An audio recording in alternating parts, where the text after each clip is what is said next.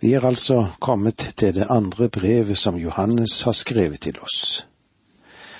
Det første inntrykket som vi får, tror jeg, er at de to brevene som vi nå har foran oss, eller skal ha foran oss, er svært korte.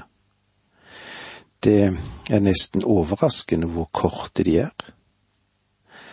En kan undre seg på hvorfor bare 13 vers i det andre brevet og 15 vers i det tredje brevet til Johannes i det hele tatt har blitt tatt med i Skriftene, at de har blitt inkludert i dette. Begge disse brevene er altså svært korte. Kanskje noen mener og tror det at de er så korte virker ikke negativt på selve budskapet, gjør det det? Det er vel egentlig slik at Johannes ikke har så mye å si. Tror du det? Nei, slik er det ikke i det hele tatt. Det at brevet er kort, reduserer ikke viktigheten av det som formidles til oss, det som er skrevet til oss. Faktisk så løfter de frem det som er viktig for oss.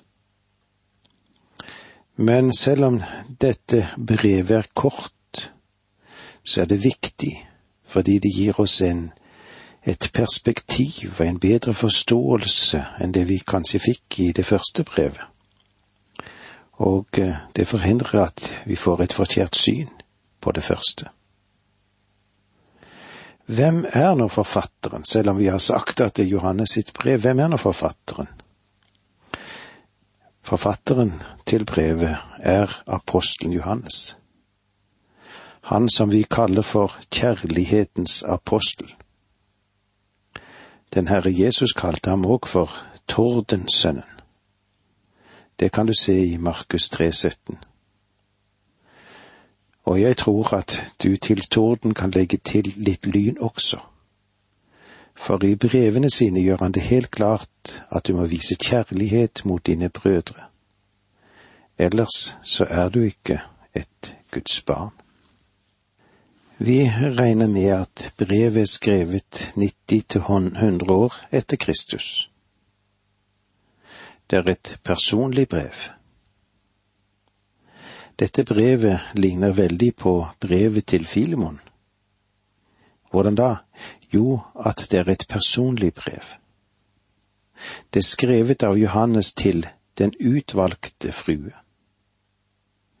Spørsmålet er ofte stilt om det greske ordet elekt er en tittel, eller om det henviser til en kristen kvinne i den første menigheten, som hadde navnet Elektia. Nå må du ha klart for deg at Johannes er apostel. Han skriver til Guds familie. Paulus, han skriver om Guds menighet, mens Peter skriver om Guds styringsmakt om du vil holde fast dette i bakhodet ditt, så gir det en god bakgrunn for den tenkningen når vi kommer til disse brevene som er skrevet av disse forskjellige mennene. Det vil hjelpe deg til å forstå mange ting av det de sier. Uavhengig om det er adressert til et enkelt menneske, eller det er adressert til en menighet så tenker Johannes hele tiden i form av sammenhengen som finnes i Guds familie. Det virker som om det var en kristen kvinne eller en lokal menighet som ga huslyd for alle som påstod at de var kristne. Selv om noen var kjettere, de som fornektet Jesu Kristi guddom, og andre store sannheter i den kristne tro. Det Johannes advarer mot her i dette brevet, å støtte slike mennesker. Det er faktisk hensikten med hele dette lille brevet, et viktig brev med andre ord. Han advarer mot de som vil hindre den kristne vokster. Vi skal, hvis vi skal sette opp et tema for dette brevet, så kan vi vel si det slik for sannhetens skyld. Når sannhet og kjærlighet kommer i konflikt med hverandre, er det sannheten som skal ha forkjørsrett. Det er den som har topprioritet. Har du lagt merke til at i første Korinterbrev 13 sa ikke Paulus, så ble de stående tro, håp, sannhet og kjærlighet. Han sa bare, så blir de stående disse tre, tro, håp og kjærlighet, men størst blant dem er kjærligheten. Men når sannheten føres inn, ja, da er det sannheten som kommer først. Med andre ord er sannheten verd å kjempe for, og det er galt å ta imot falske lærere. Og dette er en innstilling jeg holder fast ved. Jeg tror at sannheten i Guds ord er verd å kjempe for.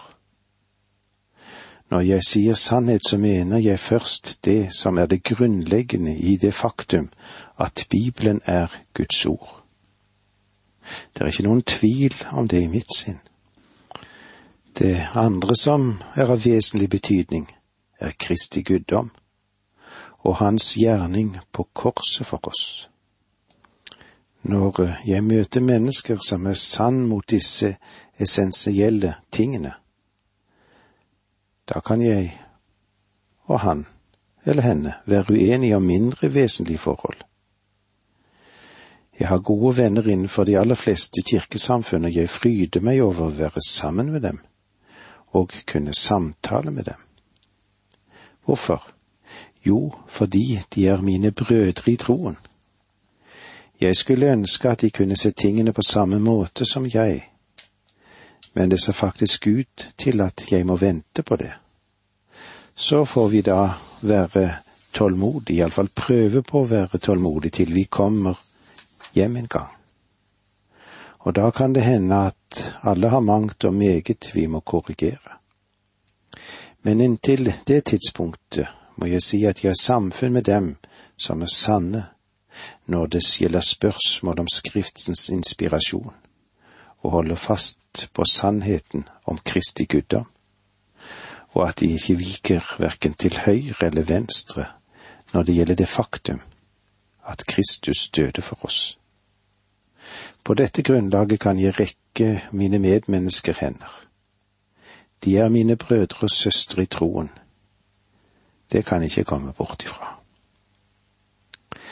Nøkkelordet i Johannes sitt første brev er kjærlighet, men det er en kjærlighet som er begrenset til Guds familie. Barna skal elske hverandre i Guds familie. Dette er et tegn på et Guds barn. Han elsker Kristus, og han elsker sine trossøsken. Hvordan Guds barn skal elske hverandre, er summen og substansen i dette brevet. Kanskje det ville være en hjelp å gå tilbake til det første brevet og gripe tak i den tanken igjen, slik som det står i 1. Johannes 3,10. Slik viser det seg hvem som er Guds barn, og hvem som er djevelens barn. Den som ikke lever rett og ikke elsker sin bror, han er ikke av Gud. Johannes formulerer denne sannheten negativt med hensikt til at ingen i verden som påstår seg å være kristen, men ikke holder mål, skal kunne snakke seg bort ifra det. Du kan ikke vri deg unna her. Om du ikke virkelig gjør rettferdigheten i ditt liv, er du ikke av Gud. Dette er det ytre tegn på et Guds barn. Du skal kjenne den Herre Jesus som din frelser, og bevise overfor andre er at du praktiserer hans rettferdighet i ditt liv. Og om du ikke elsker din bror, altså din kristne bror, her er det ikke snakk om noe universelt brorskap, for Bibelen lærer ingenting om det. Da er du ikke et Guds barn. Det er ikke jeg som sier dette, det er Johannes som sier det. Om du ikke liker det, så får du ta det opp med ham. Johannes sier at du kan bestemme om noen er ekte troende ved sitt rettferdige liv og sin kjærlighet for andre kristne. Tenk over disse tingene til vi møtes igjen neste gang, for det var så langt vi kom i dag. Takk for nå må Gud være med deg.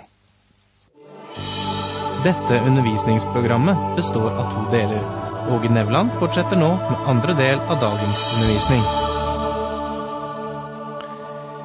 Vi er i Johannes, apostelen Johannes sitt andre brev, og vi er i introduksjonen av dette. Hvem det er som har skrevet brev, og hvem det er til.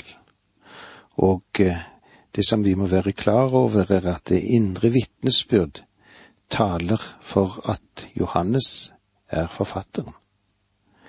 Det kan vi se både på stilen og på tankegangen og for de emnene som han tar opp.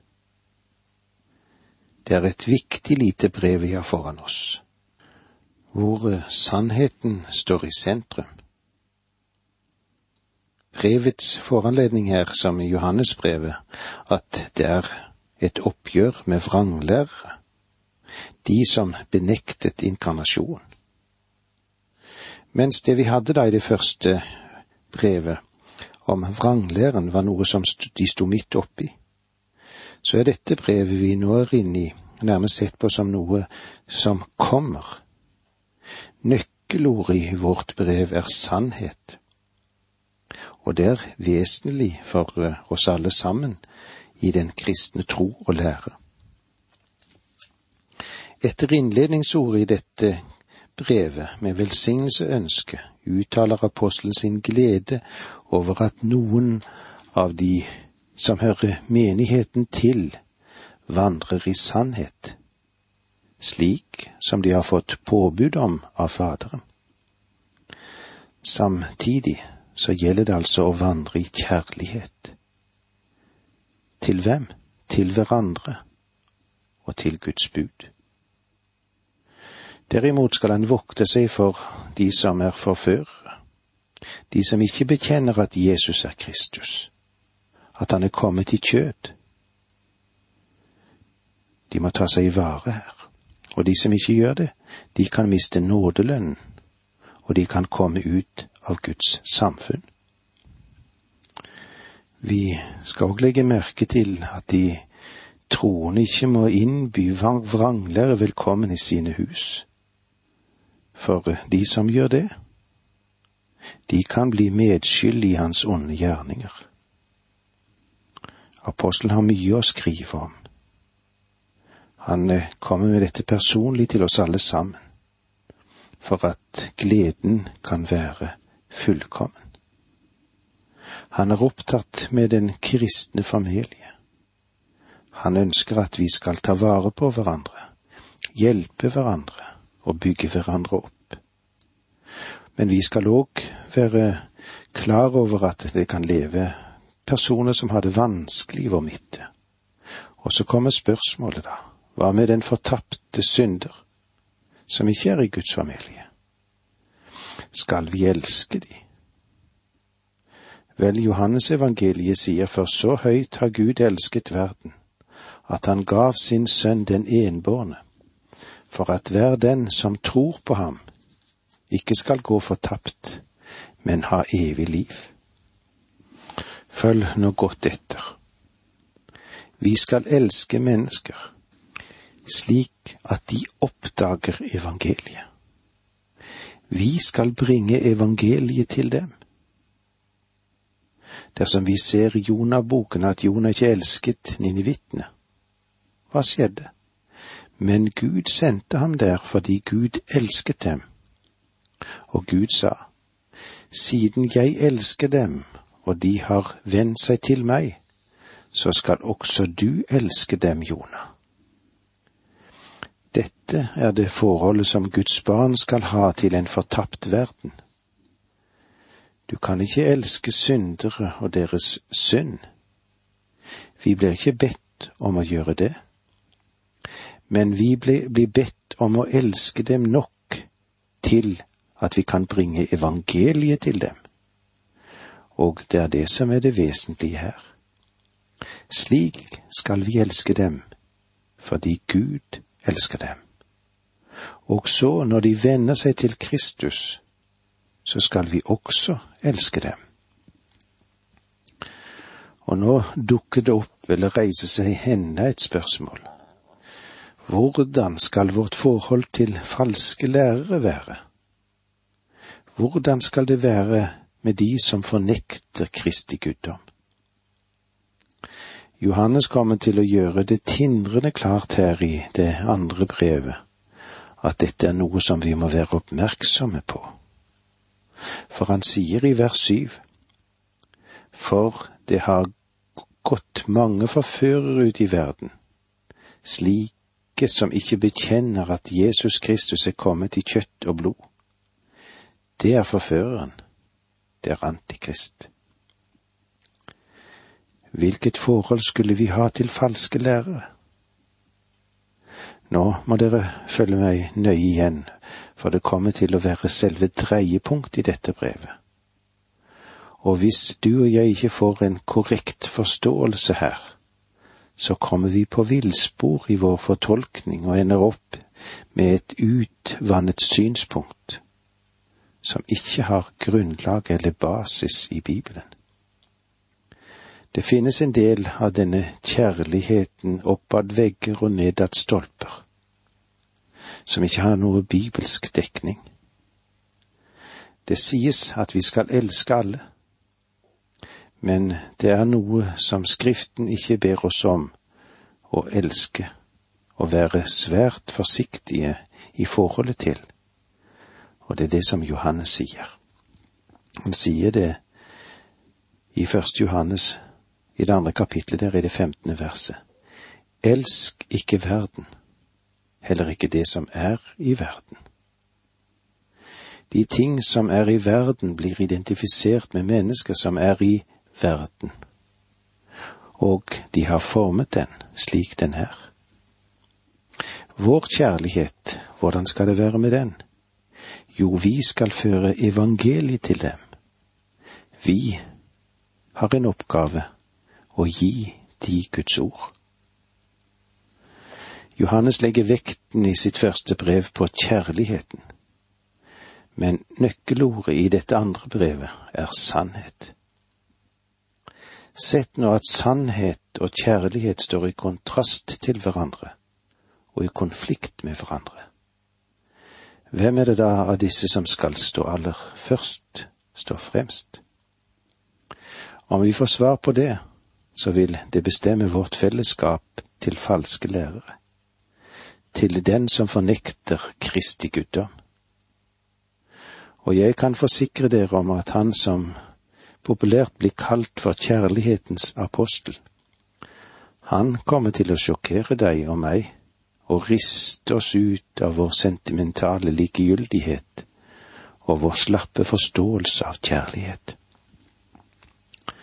Hvem skal ha forkjørsretten? Sannheten eller kjærligheten? Og hans overraskende svar er at sannheten kommer først. Kristus sa, jeg er veien, sannheten og livet. Han sa ikke Jeg er kjærlighet. Nei, han sa Jeg er veien, sannheten og livet. Ingen kommer til Faderen uten gjennom meg, som det står i Johannes 14, 14,6. Du må komme til Faderen gjennom Jesus Kristus. Det finnes ingen annen vei. Hvorfor? fordi han ikke bare er veien, men han er sannheten. Det var Johannes som senere har skrevet at Gud er kjærlighet. Etter at den Herre Jesus Kristus hadde vært her og hadde sagt at han var sannheten, så sier Johannes at Gud er kjærlighet. Kjærligheten kan bare finne sitt uttrykk innenfor rammen av sannhet. Kjærligheten kan bare uttrykkes innenfor de begrensninger og de grenser som Skriften setter. Derfor, hva da med de falske lærere? Får jeg lov til å si til dere at du skal ikke elske falske lærere? Johannes kommer til å gjøre dette tindrende klart. Faktisk så vil han si noe som kan sjokkere oss alle sammen. Han sier dere skal ikke ta imot ham i deres hjem, og ikke hilse ham vel møtt. Det er omtrent så sterkt som dette på noe vis kan utformes, dette. Dere skal ikke ta imot ham i deres hjem, og ikke hilse ham velmøtt. Det er ennå et viktig ord som vi må være oppmerksomme på om vi skal få et riktig perspektiv av det Johannes vil tale om i denne, dette brevet til oss. Ja, og det han vil trekke frem i det tredje brevet. I det første brevet sa Johannes at vi skal vandre i lyset slik han er i lyset. Sannhet og lys er det samme. Begge er Guds ord. Som vi allerede har sett, så er kjærlighet og sannhet uatskillelige. Kristus, han er oppfyllelsen av begge. Han er inkarnasjon av begge. Han er sannheten, og han er kjærligheten. Gud er kjærlighet, og han er Gud. I tillegg til sannhet så er det et annet ord som har en fremskutt plass i dette korte brevet, og det er ordet vandre eller leve i. I vers fire vil du legge merke til at Johannes sier, Det var en stor glede for meg å se at noen av dine barn lever i sannheten, slik Faderen har befalt oss. Og eh, med disse ordene må vi si takk for nå, må Gud være med deg.